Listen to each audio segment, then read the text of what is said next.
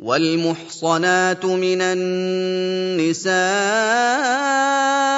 إلا ما ملكت أيمانكم كتاب الله عليكم وأحل لكم ما وراء ذلكم أن تبتغوا بأموالكم محصنين غير مسافحين. فما استمتعتم به منهن فاتوهن اجورهن فريضه ولا جناح عليكم فيما تراضيتم به من بعد الفريضه ان الله كان عليما حكيما Allah juga mengharamkan bagi kalian untuk menikahi wanita-wanita yang bersuami, kecuali wanita-wanita yang kalian miliki melalui jalur tawanan dalam jihad di jalan Allah. Maka halal bagi kalian menggauli mereka sesudah memastikan kosongnya rahim mereka dengan sekali haid. Allah menetapkan hal itu bagi kalian sebagai sebuah kewajiban dan Allah menghalalkan wanita-wanita selain yang disebutkan itu, di mana kalian menggunakan harta kalian untuk menjaga kehormatan diri kalian dan melindunginya dengan cara yang halal tanpa bermaksud melakukan zina. Wanita mana pun yang kalian mendapatkan kenikmatan darinya dengan jalan menikah, maka berilah mereka mahar yang telah Allah tetapkan sebagai kewajiban bagi kalian. Dan tidak ada dosa bagi kalian dalam apa yang kalian sepakati sesudah ditetapkannya mahar yang wajib, baik dalam bentuk menambahnya atau berlapang dada dengan menggugurkan sebagiannya.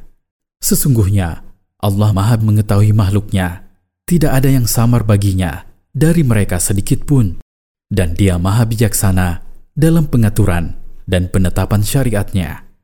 ومن لم يستطع منكم طولا ان ينكح المحصنات المؤمنات فمما ملكت ايمانكم من فتياتكم المؤمنات والله اعلم بايمانكم بعضكم من بعض فانكحوهن بإذن أهلهن وآتوهن أجورهن بالمعروف محصنات غير مسافحات محصنات غير مسافحات ولا متخذات أخدان فاذا احصن فان اتين بفاحشه فعليهن نصف ما على المحصنات من العذاب ذلك لمن خشي العنت منكم وان تصبروا خير لكم Wallahu ghafurur rahim. Barang siapa di antara kalian, wahai kaum laki-laki, tidak mampu karena tidak memiliki harta untuk menikahi wanita-wanita merdeka, maka dia boleh menikahi wanita hamba sahaya milik orang lain. Jika hamba sahaya tersebut adalah wanita beriman menurut apa yang nampak bagi kalian. Dan Allah lebih mengetahui hakikat iman dan keadaan batin kalian kalian dan mereka adalah sama dalam hal agama dan kemanusiaan. Karena itu, jangan menolak untuk menikahi mereka. Nikahilah mereka dengan izin dari majikan mereka, dan berilah mahar mereka tanpa mengurangi dan menunda-nunda. Hal itu jika hamba-hamba sahaya tersebut adalah wanita-wanita yang baik, bukan pezina secara terbuka, dan bukan para pemilik kekasih-kekasih gelap yang berzina dengan mereka secara sembunyi-sembunyi. Jika mereka telah menikah, kemudian melakukan perbuatan keji zina, maka hukuman had bagi mereka adalah setengah dari hukuman wanita-wanita merdeka, yaitu dera 50 kali dan tidak ada rajam atas mereka. Berbeda dengan wanita-wanita merdeka yang telah menikah apabila mereka berzina. Apa yang tersebut di atas berupa penghalalan menikahi wanita hamba sahaya yang beriman dan menjaga kehormatan diri adalah keringanan bagi siapa yang khawatir terjerumus ke dalam perbuatan zina dan tidak mampu untuk menikahi wanita merdeka.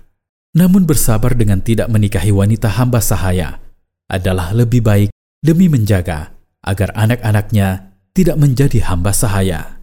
Dan Allah Maha Pengampun bagi siapa yang bertaubat dari hamba-hambanya. Maha penyayang kepada mereka.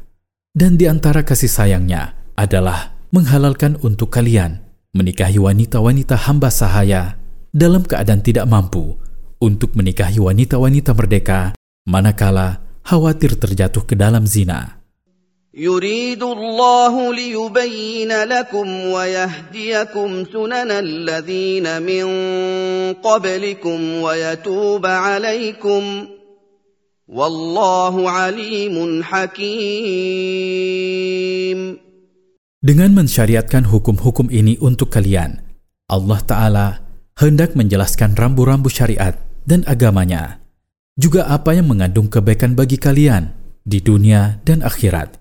Allah juga hendak membimbing kalian ke jalan para nabi sebelum kalian dalam urusan penghalalan dan pengharaman, sifat-sifat mulia mereka, perjalanan hidup mereka yang terpuji, agar kalian mengikuti mereka. Allah juga hendak memulangkan kalian dari kemaksiatan kepadanya kepada ketaatan kepadanya.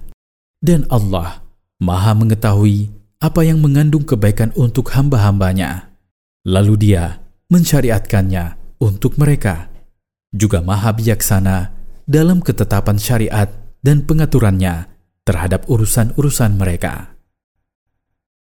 Faidah dari ayat-ayat di atas.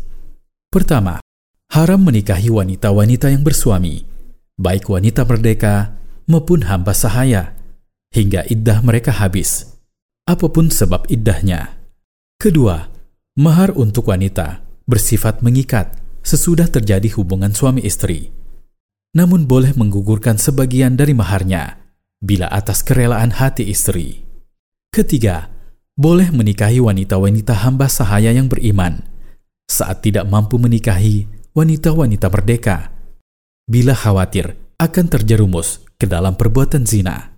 Keempat, di antara tujuan-tujuan syariat adalah menjelaskan hidayah dan kesesatan serta membimbing manusia ke jalan-jalan hidayah yang memulangkan mereka kepada Allah Ta'ala.